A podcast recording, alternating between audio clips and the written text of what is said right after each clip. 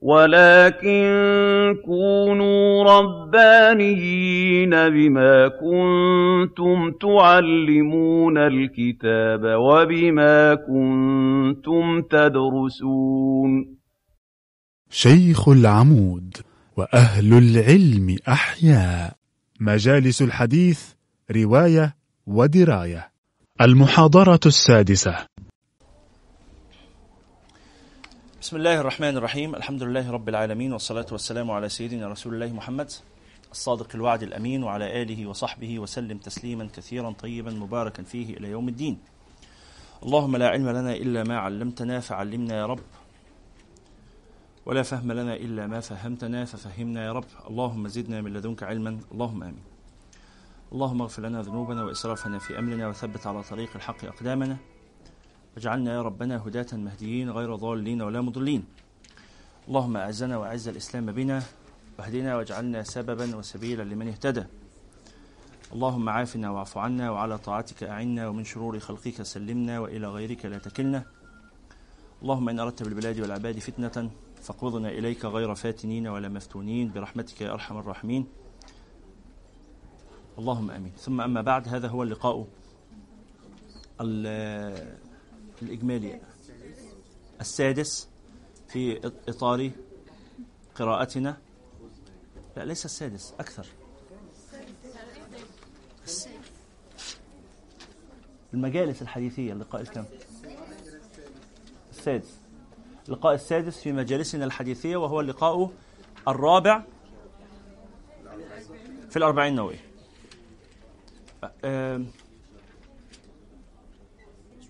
نعم. ونسأل الله تعالى أن يعلمنا في هذا اللقاء ما ينفعنا وأن ينفعنا بما علمنا وأن يزيدنا وإياكم من كرمه علما. اللهم آمين.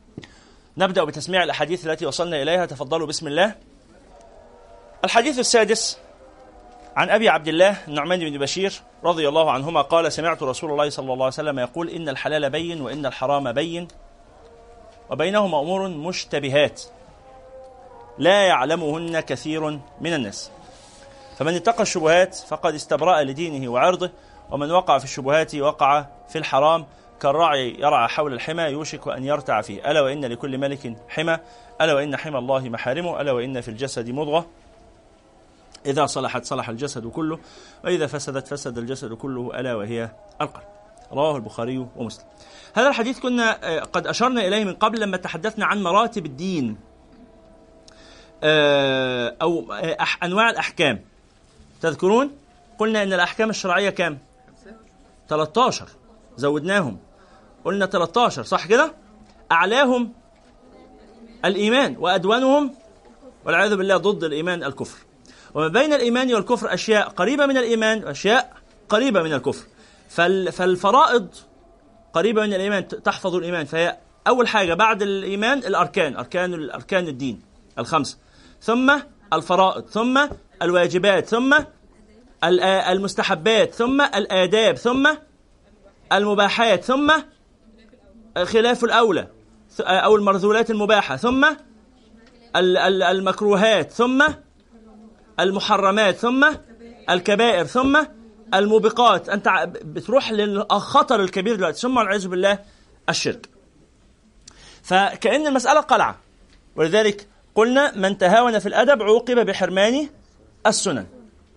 من تهاون في الأدب عوقب بحرمان السنن ومن تهاون في السنن عوقب بحرمان الفرائض ومن تهاون في الفرائض سلب أصل الإيمان. خلاص؟ يبقى النبي صلى الله عليه وعلى آله وصحبه وسلم يقول لك أنه حتى تحفظ إيمانك داخل القلعة اللي هو الملك. الإيمان هذا الملك في قلعة القلب. حتى يحفظ الإيمان في هذه القلعة لابد من الحفاظ على الفرائض المحيطة بالإيمان. وحتى تحفظ الفرائض لابد من الحفاظ على النوافل. وحتى تحفظ النوافل لابد من الحفاظ على الآداب الأخلاق الراقية. الأخلاق هنا مش أصول الأخلاق. نتكلم على المستوى الزائد اللي هو بقى دخول الخلاء بالقدم اليسرى ودخول المسجد بالرجل اليمنى. المسألة دي ليست من عظائم الأخلاق هي إيه؟ من آداب العمل.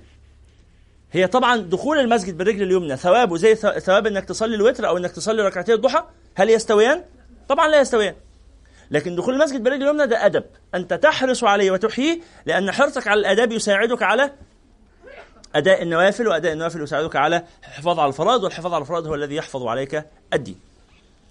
فالنبي صلى الله عليه وعلى آله وصحبه وسلم بيقول لك إن في حاجات جلية واضحة لا تحتاج إلى آه، آه، سؤال وإلى نظر. خلاص شائعة معروفة. الحلال بين. ولذلك في حديث آخر حديث وبصة سيأتي معنا إن شاء الله. قال جئت تسأل, تسأل عن البر. صح كده؟ قال إيه؟ البر ما آه، اطمأنت إليه النفس.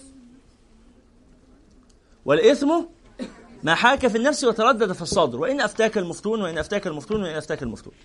يعني في حاجة أنت مش مطمن لها. مهما الناس تقول لك إنها حلال أنت مش مطمن لها. تعملها ولا ما تعملهاش؟ أنت قلقان منها. فالنبي صلى الله عليه وعلى آله وصحبه وسلم فاكرين لما قلنا آه، عمدة الدين عندنا كلمات؟ ها؟ اتفضلوا. عمدة الدين عندنا كلمات محكمات. اتق الشبهات وازهد ودع ما ليس يعنيك واعملن بني الناس نسيت. محتاجين نراجع. محتاجين نراجع كده ونفتكر. فعلى كل حال هذا الحديث من الأحاديث الأربعة التي بني عليها الدين. اتقي الشبهات. يبقى في أشياء مساحة اتساع مساحة حلال في مساحة حلال واضح وفي حرام واضح وفي حاجات مساحة إيه؟ نظر. إيه مساحة النظر؟ مساحة النظر كذا حاجة. اولا الأشياء الحلال وفيها ما يشبه الحرام. يبقى فيها نظر. هي حلال بس إيه؟ فيها أشياء تشبه الحرام. المسائل الخلافية. هل هي من من الشبهات؟ نعم. المسائل الخلافية من الشبهات ولذلك قالوا الخروج من الخلاف مستحب. لما تبقى في مسألة فيها خلاف يستحب إنك إيه؟ تخرج من الخلاف. يعني تخرج من الخلاف يعني تعمل حاجة المتفق عليها. بس هل ده واجب؟ لا ما انت ما تقدرش دائما تفعل هذا لأن هذا قد يشق عليك. ده اسمه الورع. الورع. والورع لا يفتى به. لو تقدر دايما تتورع تتورع يعني إيه يعني إيه تتورع؟ يعني حاجة. قالوا الورع أن تترك ألف باب من الحرام خشية الوقوع في باب من, الح... من أن تترك ألف باب من الحلال خشية الوقوع في باب من الحرام. أهو ده الورع. وده حاجة جميلة. السكة دي احتمال توصل لحرام. أعمل إيه؟ أسد الزراعة أقفلها. رغم إنها مباحة. بس تاخد بالك من حاجة مهمة قوي إن الورع ده إيه؟ لشأنك الخاص. لعبادتك أنت لمعاملاتك أنت لأحوالك أنت. لكن ما تلزمش الناس لأن إلزام الناس بالورع تشديد. لأن ده كده هيبقى إيه؟ تحريم للحلال. فلا تفتي بالورع ولا تلزم الناس بالورع. إنما الورع ده لمين؟ ليك انت لعبتك ولا لاحوالك عشان تحتاط والآخرة اولى ما يحتاط له. صليتوا على رسول الله؟ هكمل الشرح بعد نسمع الأسئلة.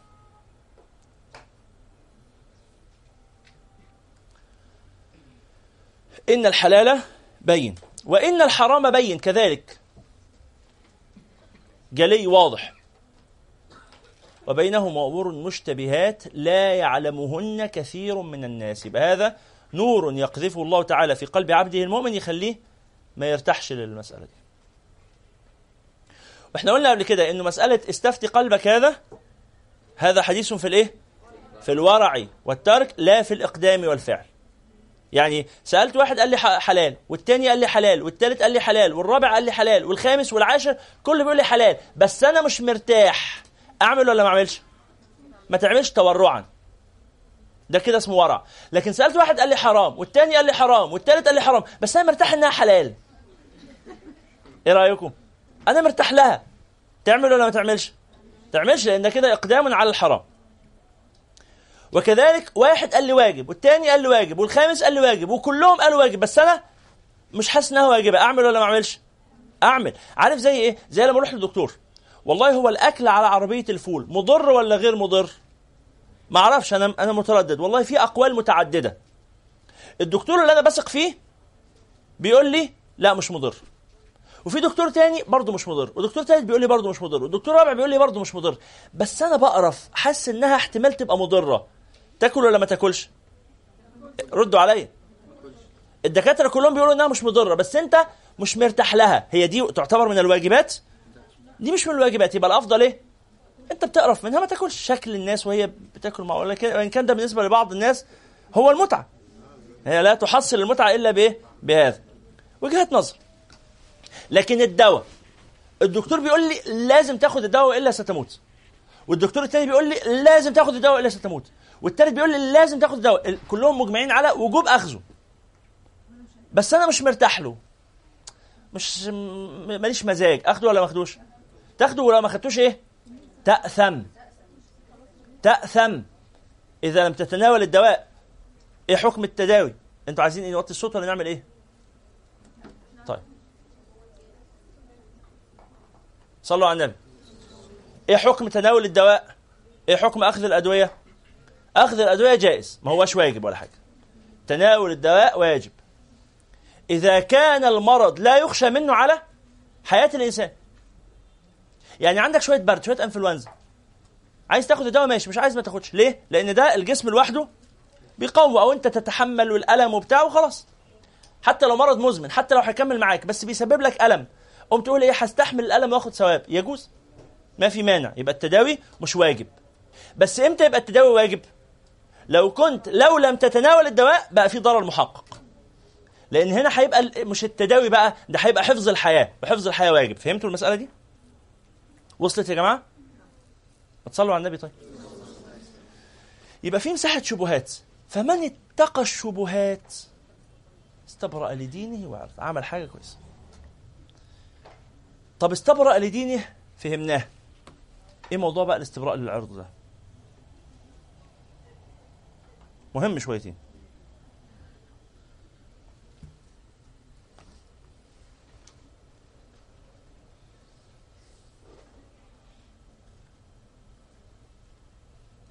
وريني كتاب صادر عن مين لا مؤاخذة أنا آسف بس يعني آه هي نفس الدار. فين؟ فين الجزء الثاني آه هو أصدر حاجة جديدة يعني في في زيادات عن اللي فات؟ 41 حكاية جديدة؟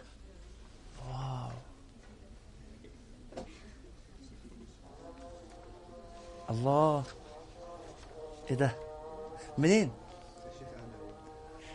يا عم بختك شغل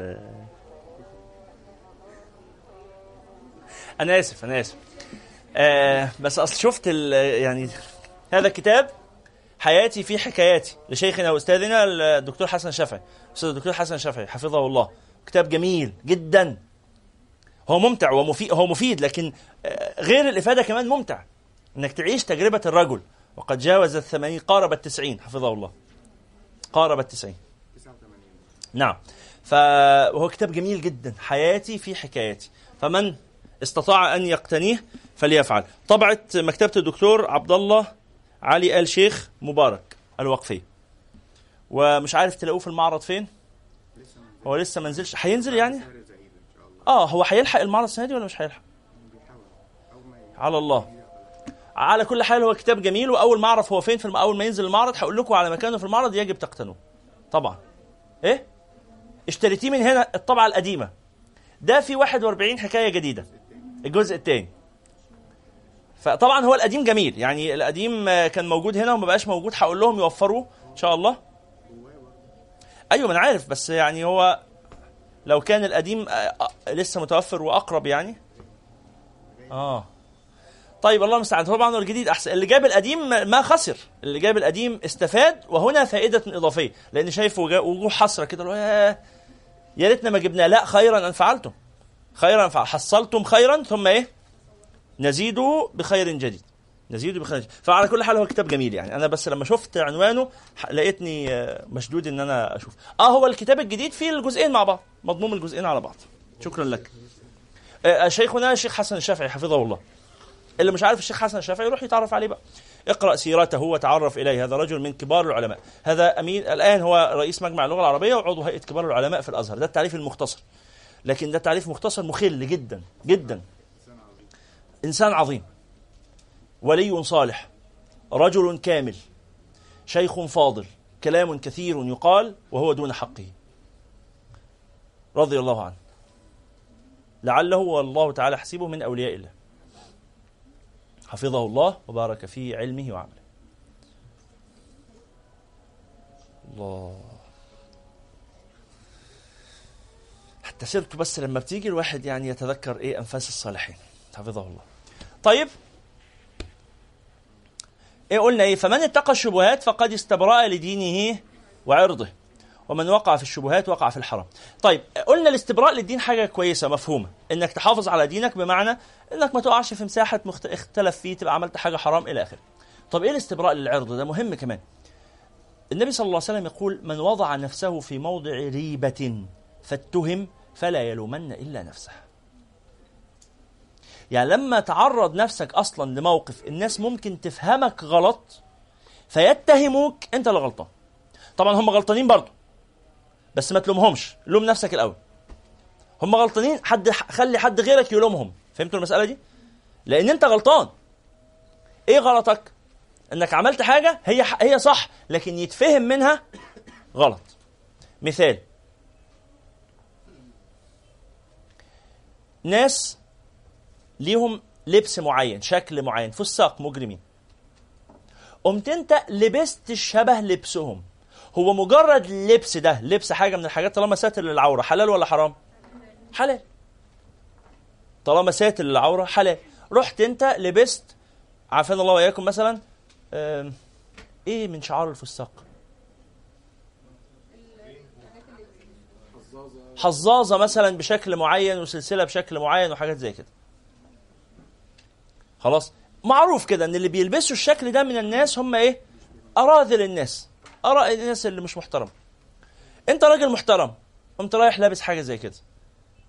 لم تمارس فسقا. ده أنت مجرد لبست آه، حلي شكل زينة. وهذا جائز. إن الراجل يلبس حاجة في إيده جائز. بس الشكل ده القلادة دي بالذات اللبس ده الطريقة دي دي طريقتهم. فأنت لما تلبس الناس يفهموا إيه؟ إنك من عارفين الهيبز؟ ال hipsters. آه عارفين عبدة الشيطان؟ عارف لما تقابل مثلا حد لابس خواتم كتير؟ ولابس أسود كل لبسه أسود ولابس ايس كاب ومطول شعره ودقنه وشنبه و ولابس أسود كتير قوي في عز الحر بيبقى لابس كتير قوي؟ وحاطط لا أنا بتكلم على الرجالة. لو الرجالة برضه حاطط كحل أسود؟ لا بتكلم على الرجالة الرجاله نسأل الله السلامة. طيب حاطط كحل أسود في عينه وإن كان الكحل الأسود جائز طبعا النبي صلى الله عليه وسلم تكحل. جائز بس إحنا بنتكلم على عرف اجتماعي. فحاطط كحل أسود وعامل أنت لما تشوفه كده بتفهم على طول إن إيه؟ معوج.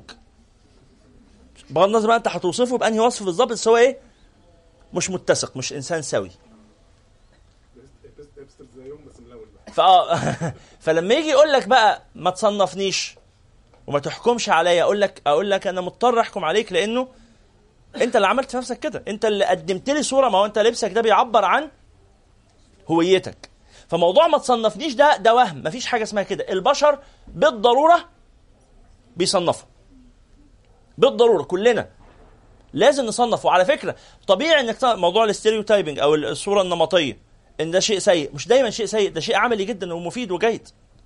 لأن أنت لازم كبني آدم تصدر حكم عشان خاطر تعرف تتعامل. فأول ما تعرف على حد بتصدر حكم مبدئي كده إنه مريح فتبدأ تشتغل معاه أو مش مريح فتبتعد عنه. هل هذا في عالم البشر مقبول ولا مش مقبول؟ مقبول. مش مقبول إنك ب... لما يبقى حكمك مش مبني على أدلة إن أنت تتكلم عنه وتذيعه ده مش مقبول. لمجرد إن أنا شفته كده أقول للولد ده يفعل ويفعل ويفعل. جبت منين الكلام بتاعك؟ قال ما هو شكله بيقول. لا ما ينفعش. ما ينفعش إن أنت إيه؟ تتحدث بهذا. بس ينفع بينك وبين نفسك تاخد موقف وتتجنبه بناء على ما ظهر لك منه ولو لم يكن عندك دليل؟ ينفع ولا ما ينفعش؟ واحد جاي أداؤه كده إن هو حرامي. لقيته بدأ يقرب من شنطتي. قمت شايل الشنطة حطيتها الناحية الثانية فيجي حد قال لي اتق الله يا أخي ليه أسأت الظن؟ هل رأيت دليلا على أنه لص سارق؟ ها؟ هل رأيت على هذا دليلا؟ لم أرى دليلا ولكن أنا مش مرتاح. ينفع ولا ما ينفعش؟ ينفع طبعا. لكن ما أروحش أقطع ايده فهمتوا الفرق بين الاثنين. يبقى ولذلك النبي صلى الله عليه وسلم يقول خاطب الناس على قدر عقولهم. أتحبون أن يكذب الله ورسوله؟ يلا. صلوا على النبي.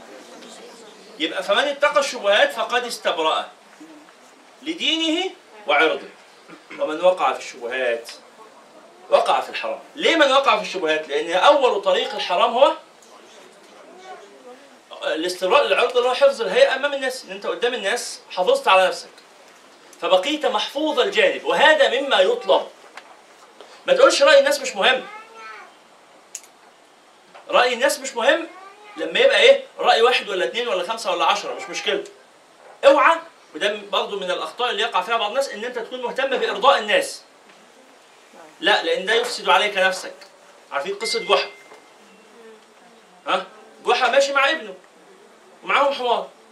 جحا راكب والواد ماشي. أو الناس قالوا إيه؟ بص الراجل المفتري ممشي الولد وراكب هو ومرتاح والواد الغلبان يا عيني ماشي شدد الحمار. فسمع الكلام ده قال لا أراضي الناس. قام ركب الولد ومشي هو. قالوا بص الولد قليل الأدب. راكب وسايب أبوه ماشي على رجليه. حاجة مفيش تربية. قاموا ركبوا هما الاثنين قال بص الناس المفتريين تعبين الحمار وراكبين هما الاثنين فوق الحمار. تعبوه. قاموا نزلوا هما الاثنين مشوا وسابوا الحمار يرتاح. قالوا بص الناس ال- ال- الهبل اللي مش فاهمين حاجة. سايبين الحمار ماشي فاضي. هما الاثنين ماشيين على رجليهم. أو شالوا الحمار فوق دماغهم. يعني ما هو إيه؟ ما هو مفيش حل. ما هو إحنا الاختيارات كلها عملناها وكلها ما عجبتش الناس. هي مش ما عجبتش الناس هي ما عجبتش فريق من الناس. فانت ولا بد اللي انت بتعمله هيبقى مضايق بعض الناس. فانت المطلوب انك تطلب رضا الصالحين من الناس وليس كل الناس. ولذلك النبي صلى الله عليه وسلم الله عليه كان عليه الصلاة والسلام إذا دخل قرية قال اللهم حببنا إلى أهلها وحبب صالح أهلها إلينا. يبقى انت مطلوب ان كل الناس تحبك يا ريت.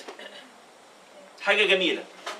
بس لو ما حبوكش مش مهم. انت اللي فارق معاك مين؟ اللي انت بتحبهم. اللي هم مين؟ الصالحين يعني المحترمين. انت يهمك إن المحترمين يحبوك. ده اللي يهمك. لو كل الناس حبتك خير وبركة. ده زيادة. بس ده صعب. لازم هيبقى في ناس كارهين وفي ناس معترضين وفي ناس إلى آخره. فما إياك إنك تبقى أسير الصورة الذهنية للناس عنك ما ت- ما ت- إيه؟ مش الناس شايفاك مثلا مهندس فأنت لازم تستجيب لطموحاتهم وتطلع مهندس. لا افرض أنت دماغك إنك تبقى فنان تروح ترسم براحتك. لأن دي دي مساحة إيه؟ مباحات واختيارات شخصية ورأي الناس فيها مش تعرف يعني ما ينفعش يرسم لك حياتك لكن لو رأي الناس في إنك رايح تعمل حاجة تسقطك عند أهل المروءة تبقى تتحول إلى إنسان مهزأ. مثال مثال أنت قررت أقول لكم على حاجة مباحة مش عايز حاجة حرام. أنت قررت تبقى كنت أستاذ جامعة وقررت تسيب التدريس في الجامعة وتتوجه إلى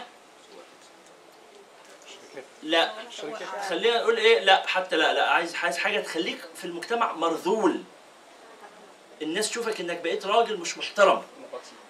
بس ما عملتش حاجة حرام. مبلط مثلا.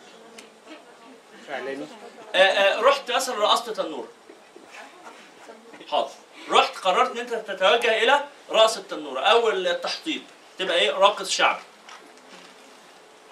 راقص شعبي دي في بعض المجتمعات ممكن تحظى باحترام إن هي شغلانة عادي اللي هي إحنا بن- بنرقص كلنا رقص شعبي في الأفراح. طبعا الرجال وحدهم والنساء وحدهن بس أقصد الرجالة مع بعض. بندبك مثلا الدبكة السورية. جائز. بنقول نلعب بالتحطيب هواية جميلة ومنظر حلو مفيش مانع لكن واحد لما تبقى دي شغلانته. وهو ترك التدريس في الجامعة لأجل أن يمارس هذه المهنة يمتهنها مش مجرد إن هو بيعملها مرة بعد مرة. فهمتوا المسألة؟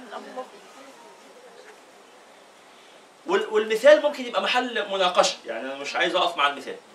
أنا أنا بس بمثل ومثلوا أنتم بما شئتم.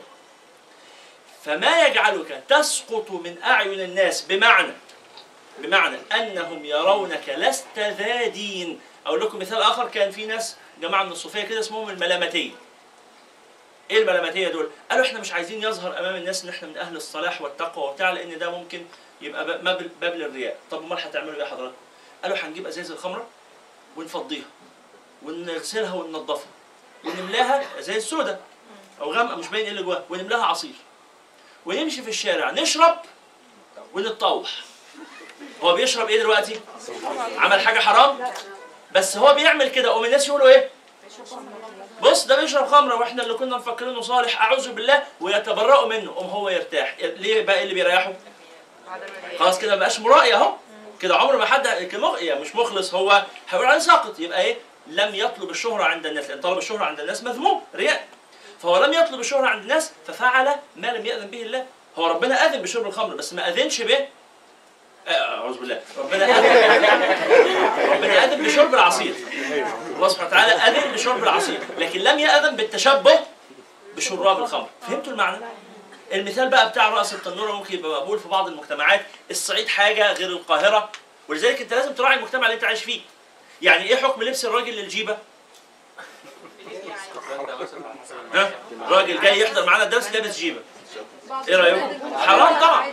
حرام لأن ده تشبه بالنساء. هنا في القاهرة ما ينفعش. لكن في اسكتلندا زي ما أنتم عارفين. خلاص ده لبسهم أو شرق آسيا بيلبسوا حاجات شبه كده. يبقى أنت أيها الرجل الاسكتلندي جيت مصر البس قميص وبنطلون أيها الرجل المصري رحت اسكتلندا البس قميص وبنطلون برضه.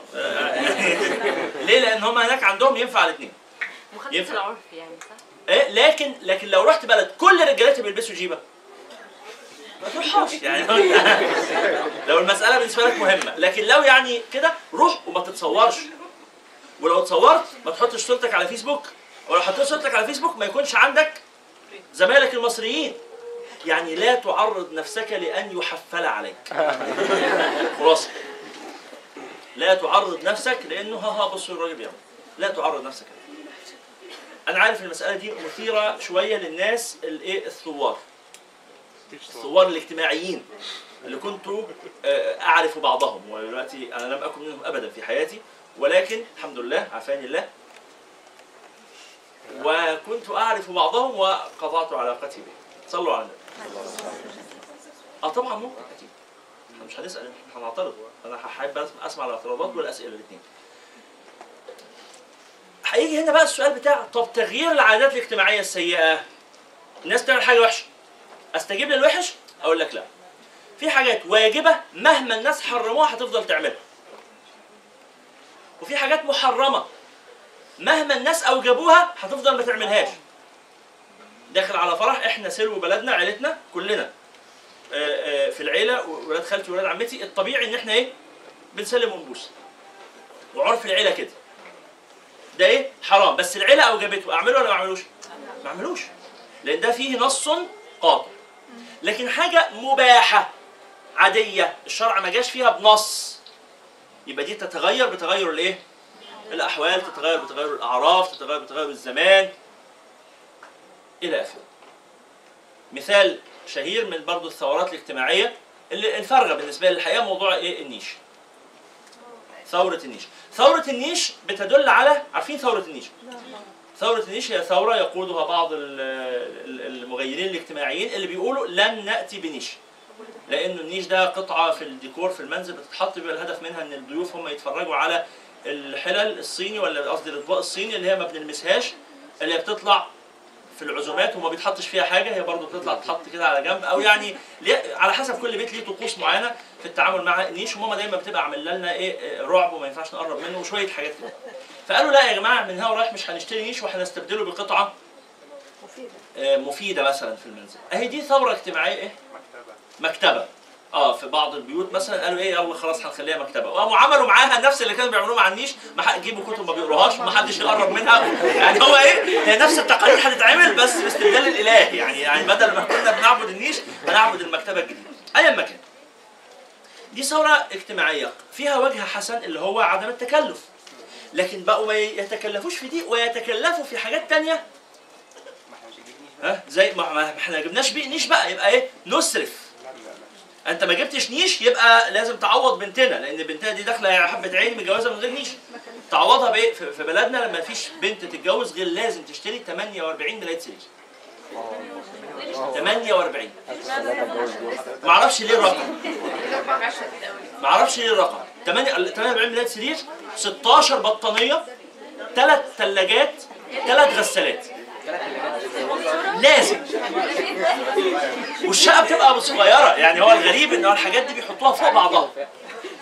ده من الطقوس الغريبة مثلا في بلدنا لو سمحتوا. من الطقوس الغريبة إنك لازم الست البنت اللي بتتجوز لازم تجيب ثلاجتين في بيتها وثلاجه لحماتها. أيوه حضرتك من المنصورة آه من المنصوره للأسف. انت عرفت ان أنا واضح ان أيوه. أيوه. لازم ثلاجتين لبيتها وثلاجه لحماتها. طب هو معلش هو لو مرحبتها عندها كذا ابن هيبقى عندها كام ثلاجه كذا ثلاجه طبعا. كذا ثلاجه كذا ثلاجه إيه؟ معظم للأسف للأسف. عشان. عشان بالظبط نسأل الله السلامة. فده كده إيه؟ ده كده عادات اجتماعية لكنها فاسدة. حرمها الشرع حرم الشرع هذه يا جماعة الصوت. الصوت طيب. الصوت طيب. حرم الشرع هذا الغلو حرم الشرع هذا التكلف. يبقى لا تستجيب إلى رأي الناس. هيقولوا عليا بخيل هيقولوا عليا ما يقولوا. أقاوم هذه الأعراف بكل وسائل تغيير بقى الإيه؟ الأعراف الاجتماعية. لا تستجب لهذه الأعراف. لكن في أعراف تانية لا الأمر فيها هين. رجالة بلدنا مثلا بنات بلدنا لازم. مثلا إيه؟ أي حاجة يعني أنا مش مش عايز أقف مع أمثلة كتير ترتيب الفرح كوافير والمش عارف إن إحنا نعمل فرح مثلا إن إن إن هي تلبس أبيض إنه أنا عايز أجيب حاجات من اللي المجتمع بيوجبها. إن مثلا لما حد يخلف بنجمع من بعض ونديله ظرف هدية أو نقود أو حاجة زي كده. دي عادة اجتماعية. طالما إن هي ما فيهاش تكلف ما فيهاش خروج عن مقاصد الشرع يبقى التزامك بها أولى من خروجك عنها. يلا مين عنده سؤال؟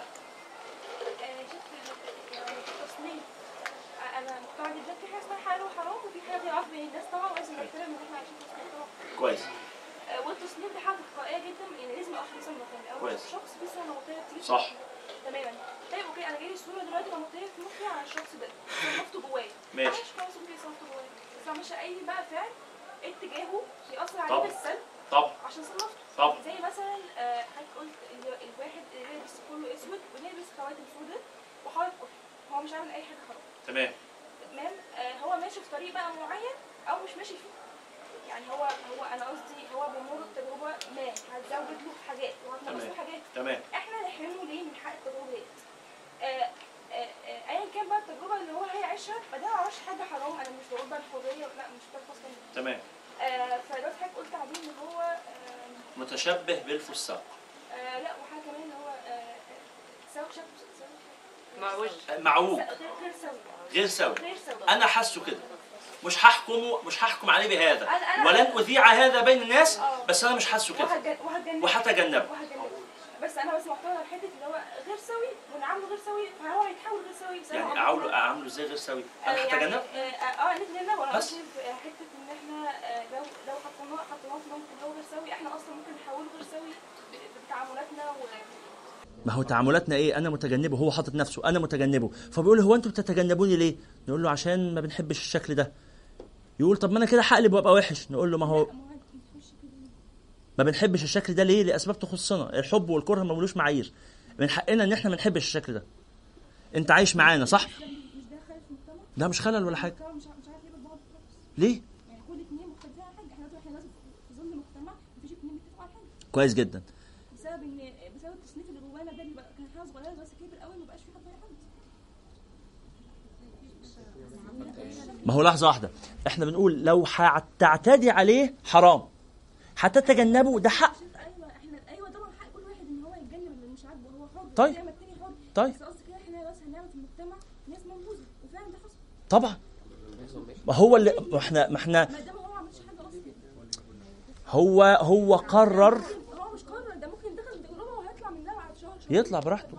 بس قصدي هو إحنا نبذنا ليه يعني زي مثلا لو لو مثلا مجموعه معينه آه، ماشيه في طريق معين ففي حد خرج آه، من المجموعه المعينه دي ويعمل حاجة ثانية مخالفه ليهم بس مش حرام اتنبذ هو ماشي. ما عرفش يخش تاني ما عرفش يخش تاني هو اللي قرر. مش إحنا بنقول. مش إحنا بنقول حرية؟ هو يا جماعة أنا سؤالي عندي سؤال. هل ابتعدنا عن إنسان معناها إن إحنا كده اعتدينا عليه؟ عايز الصراحة؟ آه. وعلشان كده بنبعد عنه.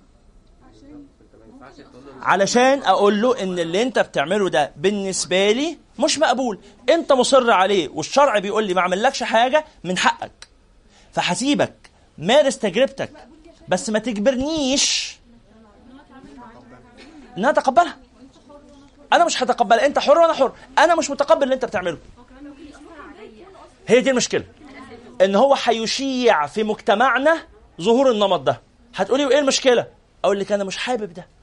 ليه يا جماعة؟ لأن في حاجة اسمها التفكير بالمقالات أنا شفت قدامي ناس كتير لما بدأت السكة دي ما رجعتش. أنا شفت ده شفت. طب أقول لك على حاجة في مجتمعات تانية في مجتمعات تانية في العالم عملوا ده قبلنا ب 300 سنة وب 400 سنة ما نبذوهمش وفضلوا محتوينهم فشاع هذا في المجتمع فبقى المجتمع كله كده. حد يعرف ليه شاع عشان هو أصلا اللي هو الشاع في المجتمع هو خايف على قيمه عشان هو أصلا في سكة حلوة. هو أنت مرعوب مرعوب منه أحسن يأثر عليك بالسلب عشان أنت أصلا مش مرعوب، أنا مش مرعوب. قاعد على أرض جامدة. أنا بالعكس ده أنا قاعد على أرض جامدة جدا مخلياني واثق في نفسي لدرجة إن لما هو يتغير أقول له أنت الخسران ابعد مع السلامة أنا مش خسران حاجة. أنا أنا أنا من قوتي واصل لمرحلة إن اللي بيخسرني بعتبر إن هو اللي خسران مش أنا اللي خسران وأنا مجتمعي متماسك زي ما هو. خلاص أنا شايفه كده. مرة تانية مش ده من حقي؟ بس خلاص ما حدش يحرمني منه بقى. ممكن لحظة حضرتك بتقول أنا أنا على أرض قوية. طب أنا أنا مثلا عن نفسي أنا مش على أرض قوية. أنا لما بشوف حد بيعمل عادة سيئة غصب عني بحس إن أنا okay لو عملت زيه. فاهم قصدي؟ صحيح. فدايما ببعد. يبقى ده فرد في فرق بين سلوك الفرد وسلوك المجتمع. المجتمع متماسك بان هو على الصواب. حد هيشذ حد حي... حي... حي... حي... هيختلف. إذا كان الاختلاف ده أصل في واحد يا جماعة بيجي في الهايفة ويتصدر. لا زي صحبه الصالحين وصحبه بالظبط. بالظبط. بالظبط بالظبط إحنا بنقول لما واحد يبدأ واحد واقف على البر إيه حكم إن واحد ينتحر غرقا؟ حرام صح؟ إيه حكم إن واحد ينتحر غرقا؟ تردوا عليا حرام. واحد واقف على الشط وفي دوامات. قام نزل بلبط برجليه بس ما دخلش كله. عمل برجليه وإحنا بعاد خالص. وكل شوية يجي موجة عالية تكاد إن هي تاخده. يقوم يقول لنا إيه؟ تقلقوش أنا تمام. متماسك. أنا عملت حاجة غلط؟ لحظة واحدة بس. ما هو طب سيبوني أكمل. هل فعل هذا الإنسان هل فعل حراما؟ ها؟ ما عملش. إحنا سلوكنا إيه؟ إن إحنا بره وبعيد على الشط. هو لوحده اللي دخل. نعمل إيه؟ نفضل واقفين على الشط ونقول له يا فلان تعالى. يقول لا مش جاي. يا فلان تعالى. نقول له مش جاي. نعمل إيه في العيال الصغيرين بتوعنا؟ نخ- نخليهم يدوروا وشهم ما تشوفوش عمو ده العبيط ده ما تبصوش عليه. نقول لهم عمو ده عبيط. ولازم نقول لهم كده. ليه؟ خشية على عقولهم من تقليده طب هو ما عملش حاجة غلط. أيوة هو لسه في المقدمة. لأنه بعد شوية هيقعد يغوط برجليه حتة بحتة لغاية يا إما هو يقرر يموت نفسه يا إما تيجي موجة أقوى منه تاخده. إحنا بقى تعاطفنا معاه بإن إحنا ندخل معاه ونبلبط برجلينا إحنا كمان الموجة أقوى مننا كلنا. الموجة أقوى من الجميع. إحنا قلنا قبل كده يا جماعة لو انت على الشط واحد بيغرق مهما كنت بتحبه أرجوك ما تنزلش تنقذه. لو واحد بس آه هيغرق معايا لو انت خمسين إحنا خمسين واحد واقفين على البحر. وإحنا لا مش واحد غرقنا الموجة اللي هو في وسطها أقوى من الخمسين وأقوى من مية. هو يا جماعة مش في ألف واحد ممكن يغرق بموجة؟ البحر قوي البحر ملوش كبير. هو مش مش واحد اللي غرقنا ده هو واحد دخل في وسط الأمواج الشديدة وإحنا دخلنا معاه عشان نحافظ عليه. فاكتشفنا إن الموجة أخدتنا كلنا. بس كده السبب اللي غرقه غرق مش هو اللي غرقنا. مش هو اللي غرق أشكرك. السبب اللي غرقه غرقنا ولذلك الحل إيه في مثل هذا؟ تفضل على الشط وتبعت له طوق. بس أنت في أمان. السلامة قالوا كده حتى safety first في ال- في الشركات. السلامة لا يعدلها شيء. ابعت له أما ما, ما, ما هو الابتعاد أنا ابتعدت أنا حافظت على نفسي. مين اللي يبعت له طوق؟ افرض أنا معيش طوق. أشوف حد معاه طوق يبعته له. أنا معيش. أشوف حد معاه سفينة ينزل له بيها. أنا ما عنديش. طب افرض قعدت ادور حواليا يا جماعة عايز طوق؟ ما لقيتش طوق. اعمل إيه؟ مش مسؤوليتي. طب افرض أنا واقف على الشط وبعرف اعوم. قلت لكم ده كذا مرة. أنا واقف على الشط وبعرف اعوم وهو بيغرق. انزل له؟ حتى لو بتعرف تعوم ما تنزلوش لأن لازم يبقى معاك مهارات الانقاذ. اللي هي مهارات الانقاذ دي مش بس انك تبقى بتعرف تعوم. ده مهارات الانقاذ دي أول حاجة فيها إنك تقدر لما تنزل وهو بيغرق تخبطه على دماغه خبطه معينة تخليه يغمى عليه. عشان ما تغرقوش مع بعض. فلازم تبقى بتعرف تعوم ومعاك مهارة إنقاذ ويبقى الجو آمن ويبقى الموج مش عالي وما يبقاش فيه دوامة ونوة. طب أنا واقف على الشط ومعايا آه، آه، آه، سفينة أقدر أنزل أنقذه بيها وهو بيغرق أنزل؟ برضه ما تنزلش إلا لما تطمن إنه الإيه؟ الأجواء آمنة. السلامة لا يعدلها شيء. إن أريد إلا الإصلاح ها؟ إمكانياتي كده. هو بقى لما يرجع يلوم عليا يقول لي بقى سيبني أغرق حرام عليك يا أنس. أقول له هو أنا اللي غرقتك؟ ولا أنت اللي عملت قرار واعي وتتحاسب عليه في الدنيا والآخرة؟ كل نفس بما كسبت. كل آه، الآية الثانية آه، آه، إيه بقى؟ بل الإنسان على نفسه بس. هو اللي قرر. بل الإنسان على نفسه بصيرة ولو ألقى معاذيره. هو اللي قرر. أنا ما غرقتوش. أنا كل اللي عملته إيه؟ حافظت على نفسي. ما حدش يجي يلومني. ومن وقع في الشبهات وقع في الحرام كالراعي يرعى حول الحمى. بتقرب. ما هو نفسك دي غنم. بتقرب بيها ناحية حاجة حرام. أنت ما ما قلتش ما خليتش الغنم ياكل من الإيه؟ من العشب بتاع غيرك. بس أنت قربت. ما تضمنش إن يحصل إيه؟ غنم يمين ولا شمال تهرب منك وتروح تاكل مع العشب ده. ولذلك قلنا كثيرا الطبع لص. الطبع لص. والصاحب ساحب. أنا اب- ابتليت فترة كده من حياتي إن أنا كنت في وسط ناس بيشتموا. الحمد لله ربيت في آه، بيت آه، ما كان عندنا السب ابدا ولا بكل أنواعه يعني. ولينا تقاليد معينة كده في البيت منها حسن ومنها سيء بس أو يعني متشدد بس إيه الخلاصة إنه هو نمط على بعضه. لما بدأت أكبر وصاحب ناس وحاجات زي كده ثم آه، مررت بكام تجربة فودني بقت بتسمع يوميا في اليوم الواحد أكثر من 100 أو 200 لفظ. من الألفاظ القذرة يعني. وأنا مضطر إلى هذا. كل واحد عنده ظروفه. فأنا مضطر. فقاعد أسمع. وأنا لا أشارك بس إيه؟ بسمع. طول النهار سامع. يا اخوانا مش عارف اقفل ودني مشكلة الودن دي. وانت مضطر انك برضو إيه تفضل قاعد في المكان. فبعد فترة لقيتني لما رجعت لحياتي الطبيعية وأمر بموقف لقيتني بقيت بشتم. جوايا ما بقيتش بتلفظ بشتيمة بس بس بقيت إيه لدرجة واحد صاحبي في مرة آه، شتمت وهو اتخض كده. قلت بقى أولاد ال كذا دول. هم كانوا عملوا حاجة جريمة. بس بس هو صاحبي اتخض. أنا إزاي أقول كده؟ وفي مرة تانية حصل كنت مع بابا وماما. وحكوا لي عن حد عمل جريمة كبيرة. فقلت ده هو أصلا ابن كذا. بابا كان يعني إيه؟ مخضوض جدا حقه الراجل. أنا طبعا ساعتها فقت إيه اللي أنا عملته؟ أمي قاعدة كمان أمي ما تعرفش عني كده. أنا في مرة قلت امي أنا قاعد مع أصحابي بنشرب شاي على القهوة. قالت يا لهوي يا ابني. شاي وعلى القهوة الاثنين إحنا ما بنشربش شاي في البيت. يعني الشاي والقهوة وكافة المكيفات بنعتبرها إيه؟ أول طريق السجاير. فممنوعه في البيت. لا الشاي ولا القهوة. فلما قلت لها إن أنا بشرب شاي وكمان قاعد على القهوة ان ده سلوك دي سكة هي حاسة إن أنا بعد شوية هبتدي أشرب سجاير. ليه؟ بدأت معايا بكوباية شاي. أنت عارف. هو هو السيجارة بتبدأ بإيه؟ كوباية شاي. بعد شوية شوية شوية ألاقيك آه، بتشرب قهوة. يعني ده, ده اللي ناقص. أو كوباية تجيب كوباية وفنجان يجيب فنجان. صليت على النبي صلى الله عليه وعلى آله وصحبه وسلم. فلما قلت لها أنا بشرب شاي على القهوة قلقت جدا عليا. بعدين يعني أ- أ- قلت لها لا خلاص الحمد لله بطلت بقيت بشرب عصير في محل العصير. فبقى إيه رجعت تاني لمساحة ال- ال- إيه ابنها الحمد لله اللي ما بيروحش من ايديها. القصد القصد انه لما سمعت كثيرا من السب لقيت نفسي تلقائيا من غير ما أقصد والله. بس المخزون اللغوي اللي في دماغي بقى فيه ده. ولذلك لما تلاقي ناس أنا قريب ناس بقيت أعمل لهم انفولو على فيسبوك أو أحذفه يعني إما أشيله من قائمة الأصدقاء يا إما على الأقل ما أحبش أشوف تعليقاته. ليه؟ بيشتم زي ما بتنفس. يعني هو الطبيعي بتاعه إن هو طول النهار ما حدش على طرف بس هو مشتم احتياطي. يعني إيه؟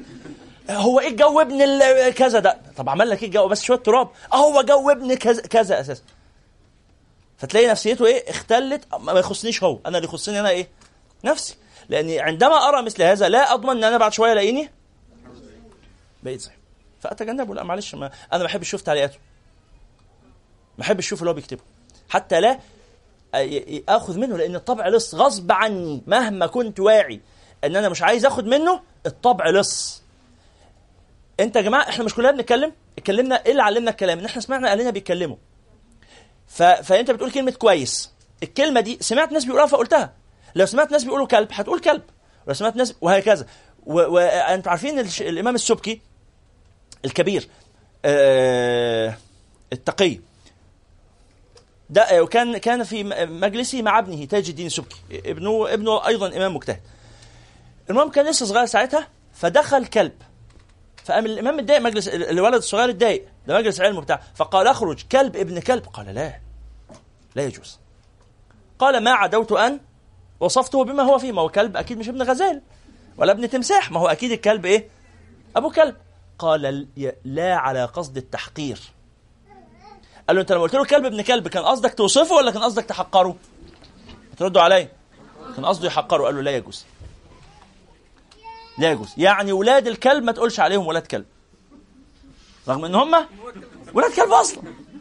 ولاد كلب ده في سلوكياتهم ومعاملاتهم وبتاع. لكن برضه تعف لسانك. فهمت هذا؟ فما لا تصفهم بهذا. إنما تقول آه، مجرمون. تقول أشرار. على قصد الوصف لا على قصد الإيه؟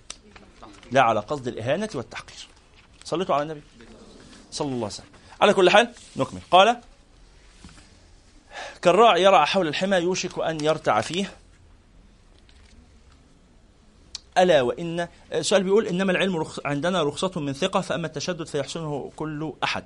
هذه عبارة صحيحة للإمام سفيان الثوري كيف أوفق بينها وبين اتقاء الشبهات؟ إنه ما تكونش بتتتبع الرخص انك رايح تسأل ده عشان اخد الرخصه اللي عنده وأروح اسأل تاني عشان اخد الرخصه اللي عنده وافضل أتتبع الرخص. فلما تتبع الرخص حزل. فهمتوا؟ زي رجل تزوج امرأة بغير ولي على مذهب أبي حنيفة وبغير شهود على مذهب مالك وبغير صداق على مذهب أحمد. إيه ده بقى إن شاء الله؟ ناقص وبغير زوجة على مذهب الشافعي. يعني طبعا ما فيش عند الشافعية كده. خلاص. فلا الشافعي قال لا ده لازم آه، آه، مهر وولي وشهود. في واحد تخفف شوية في مسألة الولي فأنت هتتبعه ماشي بس تتبعه في إيه؟ في هذه الجزئية وفي بقية الشروط اللي هو قالها. في بقية ال- ال- الباقة كلها بالظبط ده هو ضامن لها حقوق أخرى. أنت مش عايز تديها الحقوق دي. تقول لها بس أنا هروح عند أبو حنيفة. السوبر ماركت تبع أبو حنيفة ده. هناخد منه الحتة دي ونمشي بسرعة. طب ما تاخد بقية. لا مش عايز. package الموضوع ده بس طبعا. باقي الأحكام المتصلة بهذا الفرع. كالراعي يرعى حول الحمى يوشك أن يرتع فيه. ألا وإن لكل تفضلي يا أستاذة فينا ألا كما تشيء في أي مكان يعني. ألا وإن لكل ملك حمى. ألا وإن حمى الحمى يعني المكان المحمي الحرم اللي ما ينفعش الاقتراب منه يعني. ألا وإن لكل ملك حمى. ألا وإن حمى الله محارمه. الحاجات الحرام لا يجوز اقترابها ألا وإن في الجسد مضغة إذا صلحت صلح الجسد كله وإذا فسدت فسد الجسد كله ألا وهي القلب اللي هو السلطان. القلب القلب ملك والأعضاء جنود. القلب يأمر الأعضاء تتبع على طول. تسمع الكلام. مش ممكن في مرة تقول لي إيدك اتحركت تقول لك لا ماليش مزاج ما لهاش إرادة أصلا. ما هو العقل والقلب في في الشرع حاجة واحدة. ربنا بيقول أم لهم قلوب لا يفقهون بها. يعني قلبه ما بيفهمش. فالقلب وحدة إدراكية. فإنها لا تعمل أبصار ولكن تعمل قلوب التي في الصدور. قلبه ما بيفكرش حلو. ولذلك في فرق بين الذكاء خلاص اللي هو حدة التفكير الرياضي وبين الزكاه إنه قلبه مزكى يعني طاهر. فالطهارة دي طهارة العقل والقلب. على كل حال العقل والقلب بي- بينوب أحدهما مقام الآخر. وسبحان الله يعني من العجائب في في العلم الحديث إن هو لما واحد بيعملوا له عملية مثلا تغيير قلب لما قلب واحد بيموت فياخدوا قلبه ويحطوه في قلب واحد آه، حي. سبحان الله وجدوا إن بعد هذه التجربة الراجل ده الذي نقل إليه القلب آه، من الراجل الميت بدأ يحب حاجات من الميت كان بيحبها ويكره حاجات من الميت كان بيكرهها.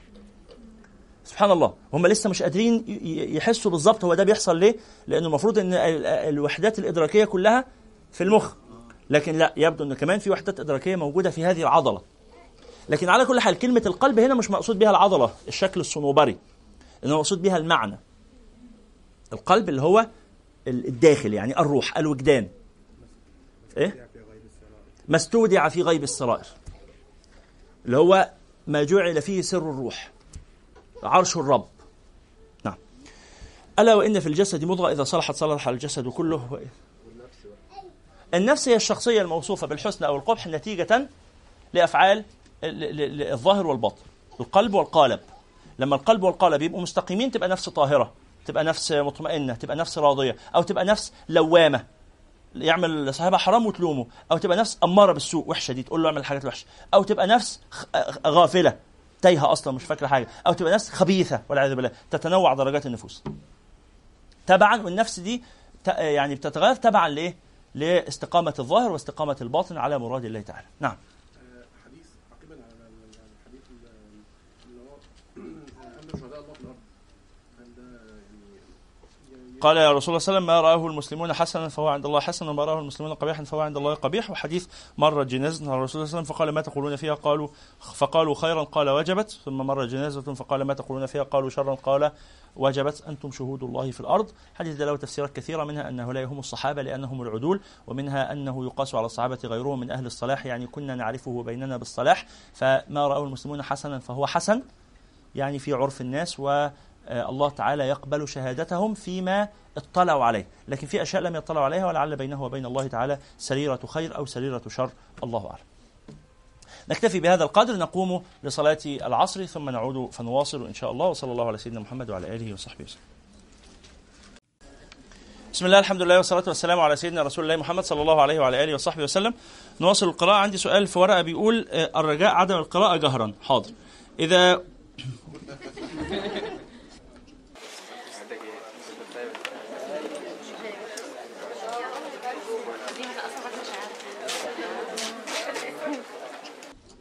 السؤال في أوله وفي آخره الرجاء عدم قراءة السؤال جهرا. طب ما أجاوب إزاي؟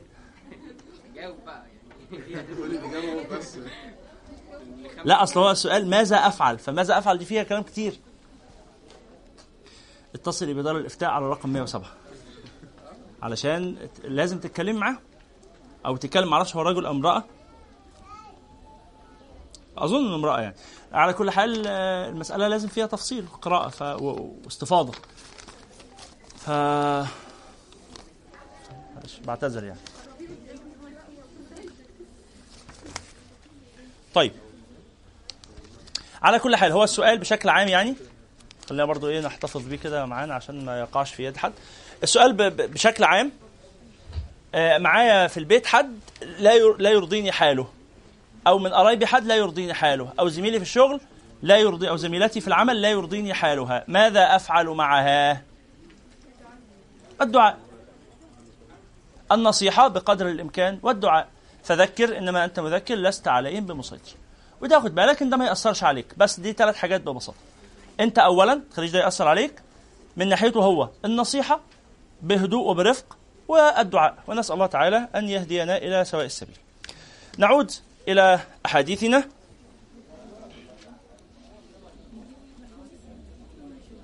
لو سمحتم نقرأ. الحديث السابع. عن أبي رقية تميم بن أوس الداري رضي الله عنه صاحب النبي صلى الله عليه وسلم قال قال رسول الله صلى الله عليه وسلم الدين النصيحة. شوف هذا الحديث عجيب جدا. عجيب جدا. الدين كله النبي اختصره في كلمة واحدة. عايز تعرف إيه هو الدين؟ هي الكلمة دي. وده ليه اتصال باللي كنا بنقوله في شرح الحديث السادس مسألة الشبهات ومسألة الإيه؟ العرف الاجتماعي. لكن النصيحة لها آداب. أول أدب من آداب النصيحة عدم الشدة فيها. وده ما يفتقده؟ بعض كثير من الناس، غفر الله لنا ولهم. لما يروح ينصح بينصح بطريقة إيه؟ أنتوا ما فيش فيكم أمل، أنتوا داخلين نار جهنم أساسا. إحنا قلنا قبل كده تتحلى في النصيحة دائما بالإيه؟ بالكلمة الرقيقة. بالموعظة الحسنة. تذكرون هذا. يعني لما واحد ما بيصليش تروح تقول له يا فلان حرام عليك اتق الله اللي أنت بتعمله ده ما يصحش. آه أنت كده يعني يعني حالك آه لا يسر ولا يرضي. ونحو ذلك من الكلام الهين. والأهم من الكلام الحقيقة الأهم من الكلام هو الإيه؟ العمل. عايز تغير حد؟ قالوا إيه؟ فعل فعل رجل. في ألف رجل خير من قول ألف رجل لرجل. خير من قول ألف رجل لرجل.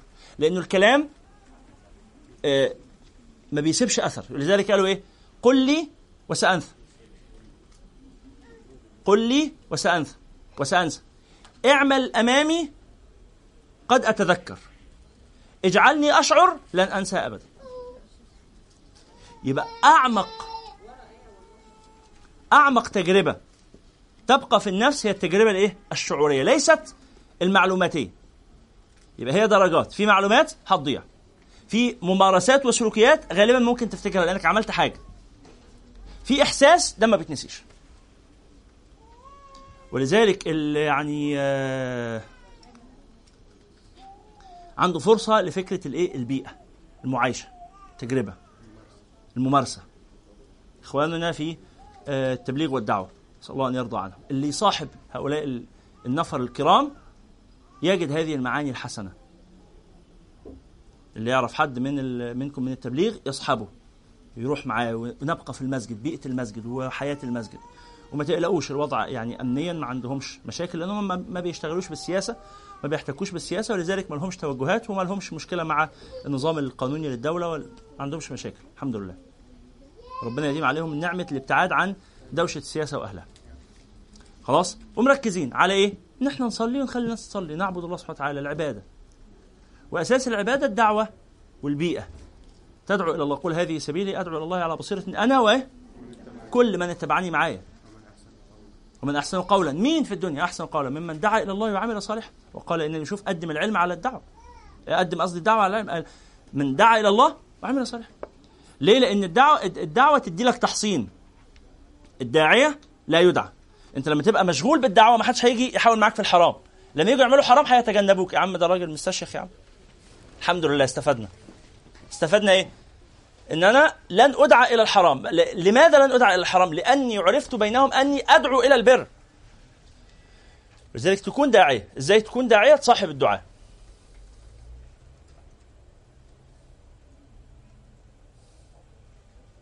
وده يعني مسألة يطول فيها الكلام.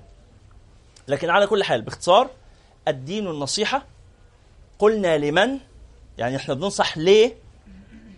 قال لله. مش مش لله يعني إحنا ننصح الله لله يعني لوجه الله طلبا لمرضاة الله. أنا بنصح الناس لأن ربنا قال لي كده. ولكتابه يعني بكتابه. هذا من قامة الإيه؟ الحروف حروف المعاني مقام بعضها. أن تنصح لله وبكتاب الله. فهنا حرف اللام لكتابه حرف اللام آه، يدل على معنى حرف الباء. لأن حروف المعاني تقوم مقام بعضها تتعاور تت- تتبادل.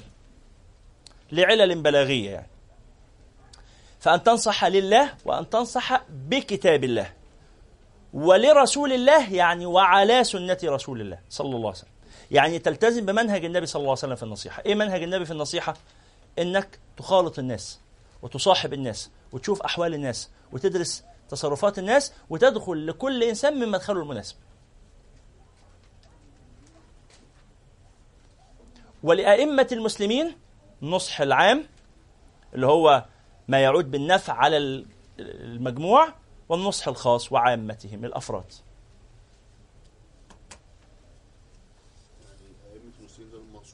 أئمة المسلمين منصوحين نعم.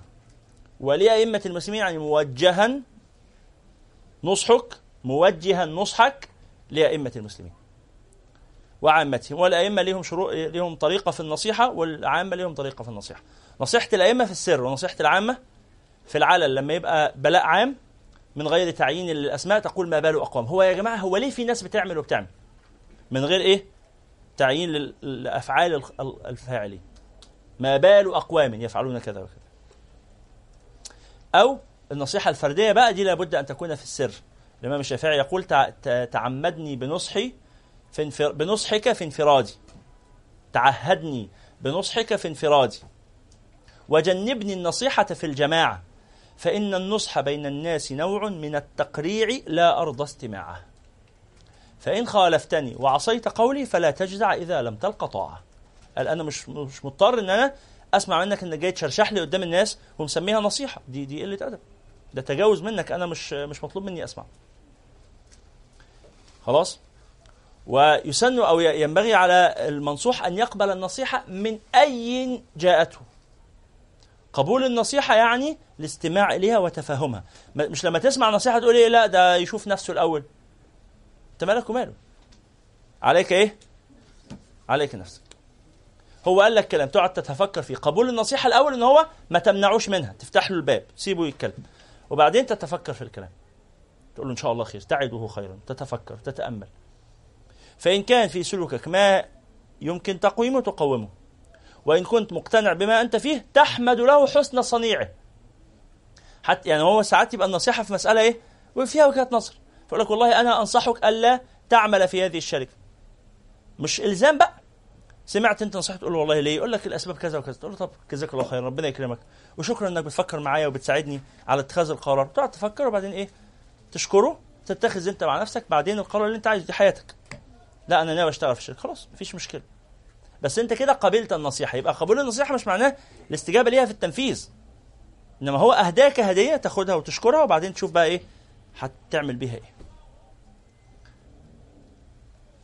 نعم. هل من سؤال؟ تعليق؟ إضافة؟ نعم بالنسبة لامر الدعوه الدعوه غير ال- غير المسلمين والاجانب وكده أنا معايا لغه صينيه واشتغلت فتره في دعوه الصينيين وكده لما قررت ان أنا شوية اتكرر يعني في دراسات تانية حد قال لي ان انت معاكي لغه نادره وان الصبر دوت مفيش حد بيسده ففرض عين عليكي ان انت تكوني مستاذنه في جزء من دوت ده فعلا فرض عين عليا اختنا بتقول تقول أحسن أو أتقن اللغة الصينية. وكنت يعني أدعو إلى الله تعالى باستخدام هذه اللغة. أدعو مت- المتحدثين بهذه اللغة إلى رب العزة سبحانه وتعالى. ثم انشغلت بدراسات أخرى. فتركت ما أنا فيه من الدعوة. فهل هذا إثم علي وهل يجب علي؟ هل فعلا فرض عين علي أن أنا أستمر في الدعوة؟ نعم. الدعوة إلى الله فرض عين على كل إنسان وليس عليك فقط. والدعوة إلى الله ما بتكونش في وقت دون وقت. يعني أنا مش بشتغل في الدعوة آه، أربع وخميس بس جمعة وسبت ببقى مشغول. أنا بدعو إلى الله في كل مناسبة. بس أحوال الناس في الدعوة غير بعض. في واحد حي... يعني يستقطع من وقته حياته للدعوة وفي واحد بتأتي الدعوة في حياته عرضا. فإن كنت تختلطين بهؤلاء في حياتك وفي شغلك وفي كده يبقى أثناء المخالطة تفضل الدعوة قائمة. إذا ما فيش مخالطة مش واجب عليك تتعمدي مخالطة فئة بعينها لأجل الدعوة. بمعنى أنا عايشة هنا في مصر أنا عايش هنا في مصر لا أخالط الصينيين. يبقى لا يجب علي دعوة الصينيين.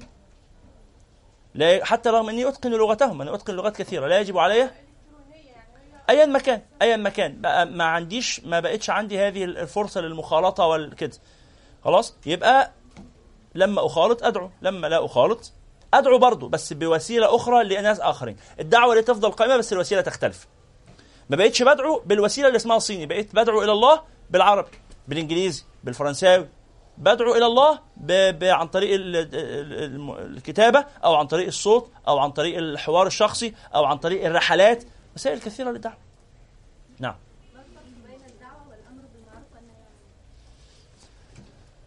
الله. متصلين. بس دعوة هي دعوة للمعروف.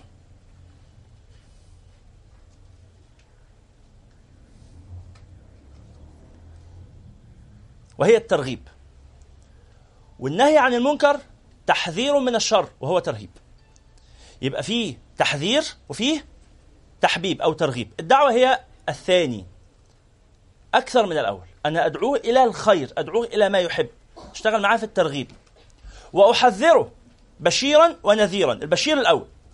الأول أبشره الأول أخبره أن في الإسلام ما يسعده وأن في الإسلام ما وأن في في الدين ما يحتاج هو إليه. فهذه الدعوة هذا الترغيب. ثم يأتي بعد ذلك التحذير والترهيب من آه، مصيره لو لم يستجب لهذا. أنا إمتى أقول إن أنا عندي العلم اللي يخليني؟ أنت عندك العلم اللي يخليكي تدعو إلى الله. مش أنت تعلمي أن لا إله إلا الله بس خلاص بلغي ده للناس. في ناس ما يعرفوش. مش أنت تعلمي إن محمد رسول الله صلى الله عليه وسلم؟ روحي بلغي ده للناس. مش أنت تعلمي إن الصلاة واجب؟ آه في حواليك كام واحدة ما بتصليش؟ كتير قوي. روحي روحي. دي لا هو بالبساطة طب مش لازم تروح تصلي. انت عملتي اللي عليك. انت ليك إيه؟ قيامك بالدعوة. يجي وقت الصلاة هنقوم نصلي. يلا يا جماعة الله يخليكم عشان نصلي مع بعض. طب روحي وهنحصلك. طب ماشي. في الصلاة اللي بعدها يلا يا جماعة عشان نصلي. روحي وهحصلك ماشي. فالمره اللي بعدها وتستمري على هذا الحال. ولو بقيتي معهم 100 سنة. في كل صلاة يلا يا جماعة عشان الصلاة. يا ما يا اساتذتنا يا جماعة يا زملاء يا كرام يا أبويا يا أمي. المساله بس عايزة جرأة وعايزه خلينا موضوع الدعوة ده يعني هيحتاج مننا تفصيل فلعلنا إن شاء الله نعقد لقاء خاص أو آه ممكن نعقد ندوة بعنوان كيف ندعو إلى الله. علشان نختصر فيها الكلام الآن طلبا لقراءة المزيد من الحديث ونعقد لهذا لقاء خاص إن شاء الله. تفضل. لا لا لا. الدعوة حاجة ورد الشبهات حاجة تانية. رد الشبهات ممكن ده يبقى علم يحتاج إلى مناظرة يحتاج إلى حجة يحتاج إلى عمق معلوماتي الناس لا يحتاجون ليس كل الناس يحتاج إلى هذا يا جماعة. أغلب الناس لا يحتاجون إلى هذا أصلا لا يحتاج إلى مناقشة الشبهة. أغلب الناس لا يحتاج إلى هذا إنما يحتاج فقط إلى أن يرى نموذج صالح يتبعه. بس كده. فهذا هو ما يحتاجه أغلب الناس أو كل الناس تقريبا. والتاني ده استثناء. نعم. هنا؟ طيب آه الشيخ أحمد شد ستارة عشان بتؤذيهم. أو لا الثانية الثانية اللي ورا للآخر. شكرا لك. يلا. أنا كنت يعني بتابع شيخ العمود من خلال SoundCloud يوتيوب فكان في آه، سلسلة دروس أظن أيها الولد أو تزكية النفس. نعم. يعني واحدة فيهم كان الشيخ كان ذكر يعني اللي هو يعني الدعوه دوت مش اي يعني أو النصيحه مش أي حد يعني إيه ينصح ولا أنت يا دوب اكتفي بس بالفروض اللي عليك و- وحصن نفسك فيها والموضوع دوت يجي يعني بعد مشوار كبير في العلم جميل. الإمام الغزالي نهى أن تكون واعظا هذا في بداية الهداية. نهاك أن تكون واعظا. وقال إيه؟ لا تعمل بالوعظ ولا تنشغل بوعظ غيرك فإن وعظ نفسك أولى. ولا تتجه إلى وعظ غيرك إلا بعد أن تستجيب نفسك إلى دواعي الأمر والنهي وتستقيم لك استقامة تامة. ساعتها يجدي وعظك ويجدي آه كلامك. وهذا يعني كلام وجيه وحكيم وكل حاجة ولكن ليس قرآنا. ولن حق لنا أن نخالفه لي- ليس كلام النبوة. خلاص ده اجتهاد تربوي. من واحد كان بيربي تلميذ عنده فبيقول له دي نصيحة خاصة أنت الذي يصلحك أيها يا ولدي أنت أن تفعل هذا وهذا. ولكن ال- ال- ال- ال- المعنى العام المأخوذ من كلام النبوة بلغوا عني ولو آية. المعنى العام المأخوذ من كلام النبوة رحم الله أو نضر الله وجه امرئ سمع مقالتي فوعاها فأداها كما سمعها ثم إنه في حاجة بقى فرق. فرق بين كلام الإمام الغزالي اللي هو المتصدر للوعظ اللي هو هيقعد يخطب الجمعة ويقعد يكلم الناس ويبقى إيه؟ دي حالة. غير حالة الذي يخاطب أخاه. من باب إحنا مع بعض إحنا يا جماعة إحنا بنعمل دعوة لما بتروح محل حلو ويعجبك الأكل فيه بتقول لأصحابك أنتوا لازم كلكم تيجوا تاكلوا هناك. إحنا بنفعل هذا بداعي المحبة هو ده اللي واجب على كل مسلم. ومش ده اللي اتكلم عنه الغزالي. اتكلم عنه الغزالي اللي, اللي أنا فيه ده دلوقتي. ال- التصدر. اللي هو أصلا اللي أنا بعمله ده يعني احتمال كبير نسال الله السلامه إن أنا أكون باجي الدرس كلكم تاخدوا ثواب وأنا اخد ذنب. ليه؟ لأن كلكم جايين طلبا للخير ومحدش عارف مين قال إيه لكن أنا أخرج من المجلس عندي حاله إيه؟ ده أنا النهارده قلت حتة درس. كده. الهرجة. وإيه بقى؟ فتح لي الفتوح النورانية. أنا كان قلبي مشرق النهارده كان قلبي يغترف من آه، يعني بحر النبوة على طول. وأخرج إيه؟ قدام الناس. أبقى شكلي. يفكروا بقى إن أنا قال إيه شيخ. وزي ما يكون الكلام ده بروح بعمله في بيتي وبعمله في حياتي وأنا إذا كان هذا حاله أمام الناس ده, ده تلاقيه إيه ده من أولياء الله الصالحين. أهو أنا أخرج بهذه ال... ال... بهذه الظنون منكم أدخل بها النار والعياذ بالله. أنتوا ما تعرفوش حالي. فمثل اللي أنا فيه ده مهلكة. مهلكة مفسدة. ونسأل الله أن يعني يلطف بنا وأن يخرجنا منها على خير. واحد صاحبي في مرة ساب التدريس والفتوى وكان مفتي كبير. ساب كل هذا وقال أنا هشتغل شغلانة شريفة. قال لا أنا مش هينفع أكمل كده أنا داخل النار أنا ماشي في طريق النار أنا عارف. فروح اشتغل شغلانة شريفة.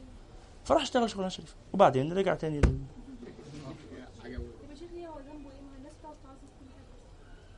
ذنبه إن هو بيصدق. زي ما أنا مصدق. ما أنا عظيم أنا ده مش كلامكم إن أنا عظيم ده الحقيقة إن أنا عظيم. لا نقرأ لا نقرأ. معلش فنكتفي بهذا في قراءة الحديث السابع. الحديث الثامن عن ابن عمر رضي الله عنهما أن رسول الله صلى الله عليه وسلم قال أمرت أن أقاتل الناس حتى يشهدوا أن لا إله إلا الله وأن محمد رسول الله ويقيموا الصلاة ويؤتوا الزكاة فإذا فعلوا ذلك عصموا مني دماءهم وأموالهم إلا بحق الإسلام وحسابهم على الله تعالى. رواه البخاري ومسلم. هذا حديث آه، بعض الناس يعني بتثير حواليه مشكلات كبيرة إنه إزاي إحنا مأمورين بالقتال إلى أن يشهد الناس أن لا إله إلا الله. إيه هدف القتال في الإسلام؟ شوفوا يا جماعة هدف القتال في الإسلام في كلمة واحدة الحرية. حرية الدعوة. خلوا بيننا وبين الناس. النبي عليه الصلاه والسلام كان بيقول كده. خلوا بيني وبين الناس. ولذلك لما بنروح بلد أول ما ندعوهم إليه مش القتال أول ما ندعوهم إليه الإسلام. يا جماعة إحنا جايين نعرض عليكم دين نزل في الأرض جديد إحنا أنتوا غالبا ما تعرفوش. وإحنا جايين عشان نعرفه لكم في آه، فيلم اسمه Silence. لا أنصح بمشاهدته. لا أنصح بمشاهدته. اسمه Silence. لا أنصح بمشاهدته. أنا عارف إن أنتوا كده هتشوفوه بس أنا لا أنصح بمشاهدته. واللي هيشوفه ذنبه على جنبه يعني هو اللي إيه هو اللي قرر يخوض المغامرة بيتحمل بقى. أنا مش مسؤول عنه يعني مش هو مش الناس اللي بتطلع المغامرات دي لو تطلع منها بتبقى احسن مش بالضرورة ممكن يبوظ ممكن يخرب. لو بقى لو. لو بقى. تستحق لو أنا معايا أدواتها. ما هو لو مفيش مانع. مفيش مانع. هو الفيلم أصلا مش عن الإسلام عن المسيحية. ف الفيلم بيتكلم عن اتنين شباب راحوا يدعوا إلى الله في اليابان. راحوا يدعوا إلى المسيحية. اتنين رهبان شباب مسيحيين تحركوا من الفاتيكان من روما رايحين يدعوا إلى الله في اليابان. فنكل به. تعذبوا عذاب شديد. وأي حد في ساعتها في الوقت ده في اليابان يتعرف إن هو مسيحي ترك عبادة الأصنام وقرر أن يعبد الله كان بيتعذب عذاب. الفيلم بيحكي لنا مهازل يعني. وهو بي بيبر بيحاول يبرر يعني بيحاول يبرر وجهة النظر بتاعة اليابانيين. مم، قصة حقيقية. والراجل ال- ال- الراهب ده بدأ طبعا في راهب كان مؤمن جدا والعذاب ده زاده ايمانا وواحد تاني بدأ يتشكك. هو ليه ربنا ما بيدخلش ويخلصنا من القرف ده؟ أليس لو كان الدين حقا كان إيه؟ زمان المجرمين دول هلكوا كان زمان الدين انتصر. وبيطرح السؤال ما بيجاوبش عليه.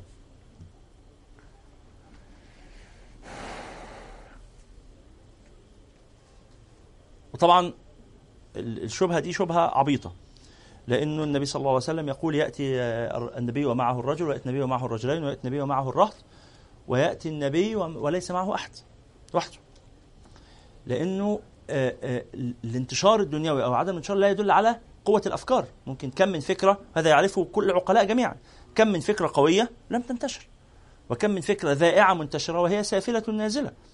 فلا يستدل بانتشار شيء أو عدم انتشاره على صحته أو ضعفه إلا ضعاف العقول وهذا مشاهد في حتى عالم الدنيا مش في عالم بس الأفكار الدينية في عالم الأفكار الدنيوية كم من شيء قبيح انتشر وكم من شيء جميل لم ينتشر ليه؟ لأن الشهرة دي مسألة تعتمد كتير على الظروف وعلى الحظ وعلى حاجات كتير يعني. بالتأكيد ليست على قوة الأفكار وصلاحية الأفكار. بس الشاهد في المسألة هي إيه؟ إنه الناس دول ال ال المبشرين شغلتهم إيه؟ الدعوة إلى المسيحية. فبيروحوا يدعوا إلى المسيحية. فيلاقوا مقاومة يلاقوا رفض فتيجي حاجة جنب التبشير اسمها الاستعمار إحنا عندنا ثلاث حاجات متصلين ببعض حاجة اسمها الاستشراق حاجة اسمها الاستعمار حاجة اسمها التبشير الثلاثة دول حاجة واحدة. بس أشكال تجليات مختلفة. الاستشراق هي الحركة العلمية الفكرية. التبشير الحركة الدعوية. والاستعمار هي الحركة العسكرية. الحركة العسكرية بناء على توجيهات المستشرقين وحماية لأعمال المبشرين. البداية هي الاستشراق. البداية هي الاستشراق. ها؟ آه. في طبعا رسالة في الطريق إلى ثقافتنا. مين ما قراهاش؟ يرفع إيده كده اللي لسه ما قراش الرسالة؟ لا ارفعوا إيديكم. أنا م... أنتوا إزاي جيتوا شيخ العمود أصلا؟ فارفع اللي ما كملش رسالة في الطريق إلى ثقافتنا. آه خلينا صراحة مع بعض. إيش لما يعني نا... كتاب اسمه رسالة. أنت لما تعرفوش يبقى أكيد ما قريتوش. ارفع إيدك ارفع إيدك. مين لم يقرأه؟ أشكركم. شكرا جزيلا. طيب مين قرأه؟ شكرا جزيلا. شكرا جزيلا. طبعا في ناس ما رفعوش إيديهم في الحالتين فدول إيه؟ أنا قرأوا ما قرأوش هو إيه؟ غامض قرر يحيرني. أيوه خلاص هقول هقول. طبعا من لم يقرأ هذا الكتاب يبقى إيه؟ يبقى يعني آه، في مشكلة كبيرة في توجهاته الفكرية. اهم الكتب واجبة القراءة. وأنا ببالغ أنا عارف الألفاظ اللي بقولها دي ألفاظ مبالغة وممكن حد يقول لي ما تبالغش وبتاع. أنا عارف ان أنا ببالغ. كتاب رسالة في الطريق إلى ثقافتنا. الاستاذ محمود محمد شاكر. الكتاب ده أنا كنت بقول عنه في كل محاضرة زمان ويبدو إن أنا بطلت ده لدرجة إن بقى معانا ناس بتحضر بقى لها سنة وما قريتوش. بس آه مش مهمة مش ضرورية. الكتاب أحسن طبعا. اقرأ الكتاب وما تسمعش الرسالة المحاضرات. أو كما تشاء يعني. كتاب رسالة في الطريق إلى ثقافتنا. المجموعة الجديدة تدخل. اللي يجي يدخل على طول. اتفضل. رسالة في الطريق إلى ثقافتنا للأستاذ محمود محمد شاكر. كتاب واجب القراءة. وبالمناسبه عايز اديلكم تحذير مهم. أول 40 صفحة من الكتاب صعبين. أنا عارف ومش هتفهمهم أو لو فهمتهم يعني آه تفهم 5% منهم. مفيش مشكلة خالص. من بعد ال 40 صفحة دول الكتاب في غاية السهولة. هي قصة واضحة وبسيطة ما فيهاش أي مشاكل. طبعا الحل العبقري اللي ممكن حد يقترحه إيه؟ فوت أنا عارف إن ده جه في بال ناس كتير يعني مش أنت بس. فوت لي أول 40 دول وادخل لي على 41 لا الله يخليك. اقراهم حتى لو ما فهمتهمش مش مشكلة. هتفهمهم لما تخلص. بالظبط فلا لو سمحتوا اقروا الكتاب مهم وبسيط ومش هياخد في إيدك أسبوع تخلصه. لو كل يوم ساعة ولا نص ساعة تخلصوا على طول في أسبوع. رسالة في الطريق إلى ثقافتنا موجود هنا موجود هنا في المكتبة وموجود PDF وموجود في كل حتة. موجود في المعرض في أي حتة هتلاقيه. نعم. لا معلش أنا آسف. انتظر لحظه صلوا على النبي. يبقى القصة في في ال- في الحركة ال- الاستعمارية هي إيه؟ الحركة العسكرية الاستعمارية بناء على تخطيط وتوجيه الاستشراق وتحقيقا لأهداف التبشير. طب إيه الفرق بقى بين هذا وبين الإسلام؟ إنه لما راح حمل الناس على تغيير عقائدهم قسرا. في حين إنه الإسلام في بلد زي مصر بقي عدد النصارى فيها أكثر من عدد المسلمين على مدار 500 سنة بعد الفتح الإسلامي. لغاية سنة 500 هجري عدد المسيحيين في مصر أكتر. 500 سنة بنحكم بلد ما أجبرناش أهلها على دخول في الإسلام. أمال إزاي بقى بنقول إن هي بلد إسلامية في هذا الوقت؟ سنة 200 هجرية. يعني إيه بلد إسلامية؟ يعني يعني بالظبط. منظومة القضاء منظومة إسلامية. لكن أديان الناس الناس حرة في أديانها. ما في دين وإن شئتم يعني الاتساع في فهم هذه المسألة اقرأوا كتابات الدكتور محمد عمار.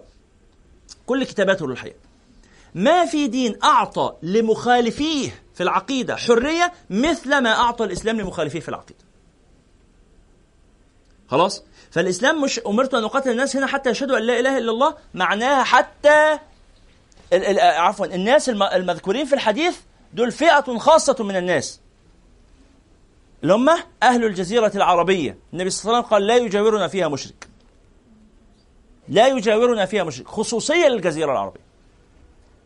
لكن لما النبي صلى الله عليه وسلم كان يأمر الجيوش أن تتحرك تتحرك بإيه؟ أول حاجة يا جماعة في دين نزل اسمه الإسلام أنا عارف أن أنتم ما تعرفوش أنا جاي أعرفكم عليه. خلاص؟ سمعناه اشرحوا لنا شرحناه بكل وسائل الشرح والإيه والتوضيح. لا مش مقتنعين خلاص براحتكم. بس إحنا هن إيه؟ هنحكم هذه البلاد وأنتوا في أراضيكم عادي وفي أشغالكم عادي وكل حاجة زي ما هي بس الغطاء العام هيبقى غطاء إسلامي عشان ندي للناس حرياتها.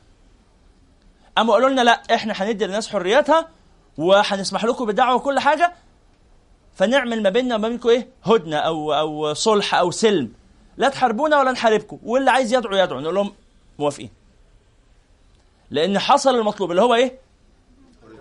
حرية الدعوة. خلاص. ولذلك في زماننا ده خلاص. حرية الدعوة مكفولة. تقوم إيه؟ تتحرك. ما فيش بقى جهاد ال- ال- الطلب دلوقتي إن إحنا نروح نقاتل الناس. ما فيش. وصلت المسألة دي؟ إنما في إيه؟ دعوة. ثم هيبقى في حاجة تانية بقى اللي وافق على ال- الهدنة دفع ال- الجزية إلى آخره. خلاص. كففنا عنه سيفنا. أصر. لا. أنا في حرب معكم وفي حرب مع دينكم يبقى أنت ألجأتنا إلى هذا. يبقى الحرب في الإسلام ليست دفاعا عن النفس فقط بل لنشر ال- ال- ال- إيه الدعوة. بس مش نشر دعوة بمعنى إجبار الناس على اتباع الدين ولكن بمعنى رفع أو كسر القيد الذي يمنع الناس من الحرية في اختيار دينها. وهذا قول النبي صلى الله عليه وعلى آله وصحبه وسلم أمرت أن أقاتل الناس حتى يشهدوا أن لا إله إلا الله وأن محمد رسول الله ويقيموا الصلاة ويؤتوا الزكاة اللي هو يحفظوا الأساسيات. فإذا فعلوا ذلك عصموا مني دماءهم وأموالهم إلا بحق الإسلام. حق الإسلام يعني من قتل يقتل. الأحكام بقى الإيه؟ القانونية. اللي يعتدي على غيره تنفيذ حكم القصاص إلى آخره. وس... وسيأتي هذا أنه لا يحل دم امرئ مسلم إلا بإحدى ثلاث. ال... نعم.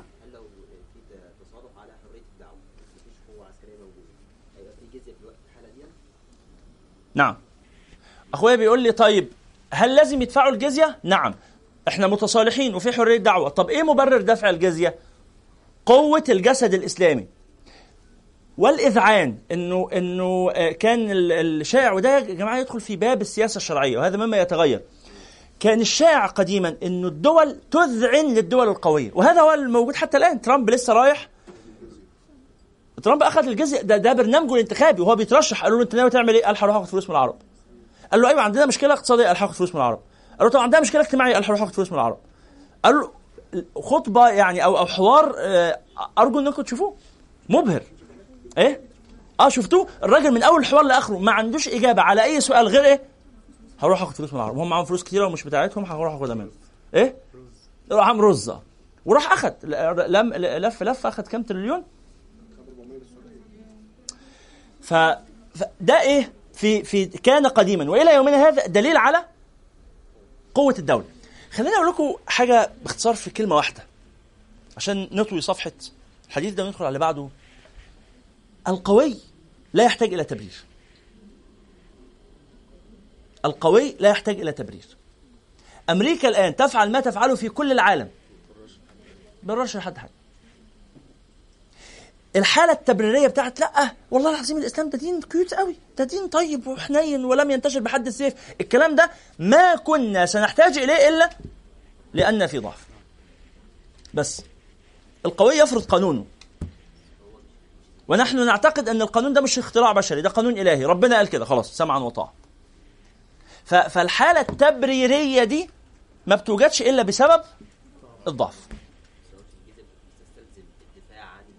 طبعا طبعا آه، دفع الجزية كمان معاه حاله تانية اللي هي إيه؟ أنه لا يشارك في القتال. إحنا بنحمي البلد وهو ما بيدخ... هو يكتفي بعمله. ولذلك الذي ودفع الجزية ده بيكون فردي. ولذلك لو حد قال آه، لو لو لم نستطع إحنا ما بنستعينش بالكفار في الجهاد ليه؟ لأنه يظن منهم إن هم قد يغدروا بينا أو كده. لو واحد مأمون وإحنا عارفينه وعارفين خلقه بتاع نستعين به في القتال؟ لا بأس لكن لا نكلفه لا نجبره. فلو هو وافق إن هو يساعدنا في القتال ما بيدفعش الجزية. لأن الجزية دي ضريبة دفاع.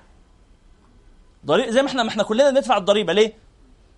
علشان في جيش ناس موظفين في الجيش شغلتهم إن هم ياخدوا مرتبات يروحوا يحمونا يروحوا يدافعوا عن الحدود يروحوا يحفظوا الأمن والسلم. خلاص؟ فلو جه في وقت من الأوقات قالوا لنا لقوا إن إحنا خلاص ما هم مش مش قادرين مثلا على الدفاع يقوموا يدخلونا معاهم يقوم العسكري يخففوا عنه الضرائب. مش كده ولا يخلوه ما يدفعش ضرائب. حتى اللي أنتوا عارفين في حاجة آه، الجهاز آه، تبع القوات المسلحة اللي هو تعبئة والإحصاء. في جزء إحصاء ده المدني. التعبئة إيه؟ هو بيعد فيه كام مركبة في مصر؟ في كام عربية؟ في كام تريلا؟ في كام إلى آخره؟ عشان بي- في أوقات الحرب يعمل لها إيه؟ يعمل لها عملية تعبئة. يقوم يكلم كل التريلات يقول لهم هنشغلكم في المجهود الحربي. ها؟ ويقوم يخفف عليهم الضرائب. لأن هم اشتاق فهمتوا ال- ال- المقصود.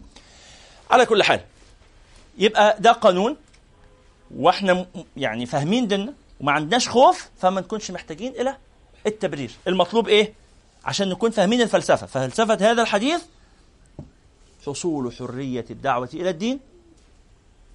الامر الثاني انتشار حكم الإسلام مش انتشار التزام الأفراد شخصيا بالعقيدة. إنما ال- المسلم في أمريكا محكوم بالإسلام ولا بالقانون الأمريكي؟ بالقانون الأمريكي عبادتك الشخصية ده لنفسك. بس مع الناس التعاملات تعاملات قانونية أمريكية. نفس الوضع عند المسلمين. أنت لما تعيش في بلد إسلامي يبقى تلتزم بقانون الإسلام. أنت مع نفسك عقيدتك إيه مسيحي ولا يهودي؟ لا إشكال. ثم إن الله سبحانه وتعالى إيه يعني ضبط لنا هذا الأمر في أمور وترك لنا حرية الاختيار والتغيير في أمور أخرى. وهذا ما يعرف في كما قلت لكم علم السياسة الشرعيه الحديث التاسع عن أبي هريرة عبد الرحمن بن صخر قال سمعت رسول الله صلى الله عليه وسلم يقول ما نهيتكم عنه فاجتنبوه وما أمرتكم به فأتوا منه ما استطعتم. في قاعدة يا جماعة في هذا الحديث أو بسيطة جدا بتقول إنه الأصل في الأشياء تركها أم فعلها؟ الأصل في الأشياء لا الأصل في أي حاجة مش الحكم الشرعي من حيث ممارسة الناس الأصل في الأشياء إن أنت بتعملها ولا ما بتعملهاش الأصل في يعني في الاختيارات والبدائل اللي قدامك في كل لحظة. كتيرة ولا قليلة؟ كتيرة جدا. الأغلب فيها بتعمله ولا ما بتعملوش؟ دلوقتي حالا وانت قاعد هنا قدامك اختيارات كتير جدا. الأغلب في الاختيارات دي إنك تعملها ولا ما بتعملهاش؟ تعمل واحد بس فيها وبتسيب الباقيين. يبقى الأغلب ترك. انت دلوقتي حالا ممكن تنزل تلعب سباحة ممكن تروح الجيم ممكن تاكل آه، في مطعم كذا وكذا وكذا وممكن تلبس كذا. عندك اختيارات كتير جدا. بتسيبها كلها وتختار واحد بس تعمله صح؟ يبقى الأغلب ترك ولا فعل الأغلب ترك. الأسهل على الإنسان إنه يترك ولا إنه يفعل؟ الأسهل ليك إنك تروح تصيف في باريس ولا ما تروحش؟ الأسهل الأسهل في الإمكانية. الأغلب في حصول البشر في الحصول بين البشر. الأغلب هو الترك ولا الفعل؟ لما بيعرض قدامك اختيارات الفعل بيحتاج مجهود لكن الترك هل يحتاج إلى مجهود؟ تخلي بس. تخلي أنا ما بتكلمش على رغبات النفس أنا بتكلم على الممارسة العملية. إن الفعل يحتاج إلى تخطيط وترتيب لكن الترك لا يحتاج إلى شيء إلا إنك تبتعد. ولذلك النبي قال لما انهى تسيب. لأن ما فيش حاجة ده ترك. كلها متروكات. يبقى لما أقول لك ما تعملش كده تتجنبها على طول. طب لما أقول لك اعمل بقى حاجة فيها حاجة هتتعمل يبقى على قدر ما تستطيع. ما نهيتكم عنه فإيه؟ بالكلية 100% تسيبه. وما أمرتكم به فأتوا منه ما استطعتم. فإنما أهلك الذين من قبلكم كثرة مسائلهم. ما تقعدش بقى إيه؟ تفترض افتراضات. طيب آه النبي صلى الله عليه وسلم كان ينهى أصحابه عن الإكثار في السؤال. التشدد في الدين بالإكثار في السؤال اللي هو افتراض حالات غريبة والسؤال عنها. أنت سمعت أوامر شرعية سمعت إن كذا حلال وكذا حرام وحاجة ما سمعتش عنها. خلاص حاجة ما سمعتش عنها يبقى تبقى على إيه؟ تبقى على الأصل. ساعات بتيجي أسئلة غريبة اللي هو إيه؟ أنا قاعد بالليل بعد العشاء قصيت ضفري إيه حكم قص ضفر بعد العشاء يا شيخ؟ جائز يا طب وضع المانيكير بعد العشاء. جائز يا بنتي. طب البوديكير. جائز يابا. طب فهمت المسألة؟ فيبدأ يحنتف ويفصص ويشقق ويفترض حاجات الأصل فيها إن هو الناس بتعملها وما فلا تكثر فإنما أهلك الذين قبلكم آه حاجة تانية بقى كثرة مسائلهم. معناها إيه؟ إن عندما يأتيك الأمر الشرعي ده حرام. تقول طب ما ينفعش إن شوف لفة؟ ده حرام. طب ما تشوف لي عندك أي حاجة تانية. فكلمتكم عن أخويا اللي جه سألني على سؤال قبل كده؟ مش أنتوا أخويا من فترة جه قال لي بص أنا عندي سؤال. بس الله يخليك لو حرام ما تقوليش. لو الإجابة حرام ما تقولهاش. ده إيه ده بقى؟ ده أنت عايز إيه يعني؟ قال أنا خايف احسن قلت له حرام اسيبها تبقى صعبة عليا. المفاجأة إن هو لما سألني قلت له حلال بس مش قلت له حلال عشان هو قال لي كده. هو فعلا المساله اللي كان بيسال عليها حلال. فكان فرحان. الحالة الأولانية بتاعته دي اللي هو لو قلت له حرام هيعمل إيه؟ ما تشوف لي مخرج. ما تاخد خمسة جنيه وتظبطني. يعني ده- كده. مفيش طب حد تاني بيقول فما تعملش كده. إلا لما تبقى المساله فيها مشقة شديدة. قلت لكم من شوية اللي هو البحث عن الرخص. اللي بيقعد يبحث عن الرخص ده يضل ويهلك ويزل من تتبع فتاوى من تتبع رخص العلماء ضل. ضلاله مش انه إنه عمل رخصه إنه اتبع رخصة. ضلاله إن هو حياته كلها بيدور على اللي هو بنفكر في الفقه بعقلية المحامي. اللي هو أنا عارف إن ده غلط بس إيه؟ هشوف ثغرة في القانون. مفيش كده. فكثرة مسائلهم يعني كثرة اعتراضهم على فعل الأوامر طلبا للإيه؟ للتهرب منها. زي الناس اللي قالوا ما تصطادوش يوم السبت قاموا حطوا الشباك يوم السبت قالوا مش هنصطاد. حطوا الشباك يوم الجمعة بالليل، ما اصطادناش أهو يوم السبت جه السمك دخل، جه يوم الحد راحوا خدوا الحاجات، اصطادنا ولا ما اصطادناش؟ ما اصطادناش. يا أولاد الذين. دول عملوا إيه؟ حيلة. آثمون. ليه؟ لأنه خالفوا المقصود الشرعي. الشرع عايزك تبقى بتعمل ده ولا لأ؟ لأ خلاص يبقى حرام تجتنبه. وقعت فيه ده اسمه ذنب مفيش مشكلة بس ما تبرروش. فرق كبير قوي بين إنك تبقى بتغلط وتذنب. خلاص أنا غلطان كل بني آدم خطاء. وبين إنك تقول إيه؟ عادي ما حصلش حاجة على فكرة. ده شيء ده عادي أصلا ده مباح. يبقى أنت كده متبجح بالذنب. ودي جريمة أكبر من بكثير من جريمة الوقوع في الذنب. فإنما أهلك, أهلك الذين من قبلكم كثرة مسائلهم واختلافهم على أنبيائهم. اختلافهم اختلافهم يعني آه كل ما النبي يقول له حاجة يروح يجي ينفذها يقوم راجع له تاني يقول له لا طب ما تغيرها لي. آه، آه، اختلف فلان إلى فلان يعني ذهب إليه أكثر الذهاب إليه. فكانوا يختلفون على الأنبياء يعني زي بتوع البقرة. روحوا اذبحوا بقرة قالوا لا طب ما لنا وصفها. متوسطه السن لا معلش قول لي لونها. صفرة لا معلش قول لي وصفها بدقة أكبر. عمال إيه؟ فحاله المجادلة الإكثار من الجدال والإكثار من رفض ال- الاستجابة للأمر الشرعي.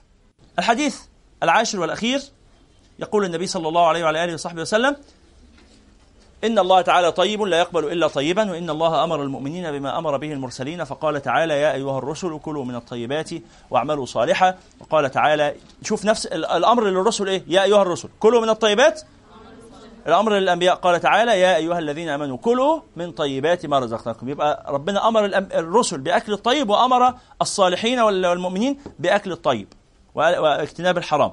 ثم ذكر الرجل يطيل السفر أشعث أغبر. يعني حاله حال العبادة اهو وأنتم عارفين المسافر قريب من الله أي حد ضعيف قريب من الله الله يقبل آه، دعاء الضعفاء أو المستضعفين الم- آه، ال- الفقراء أو المفتقرين.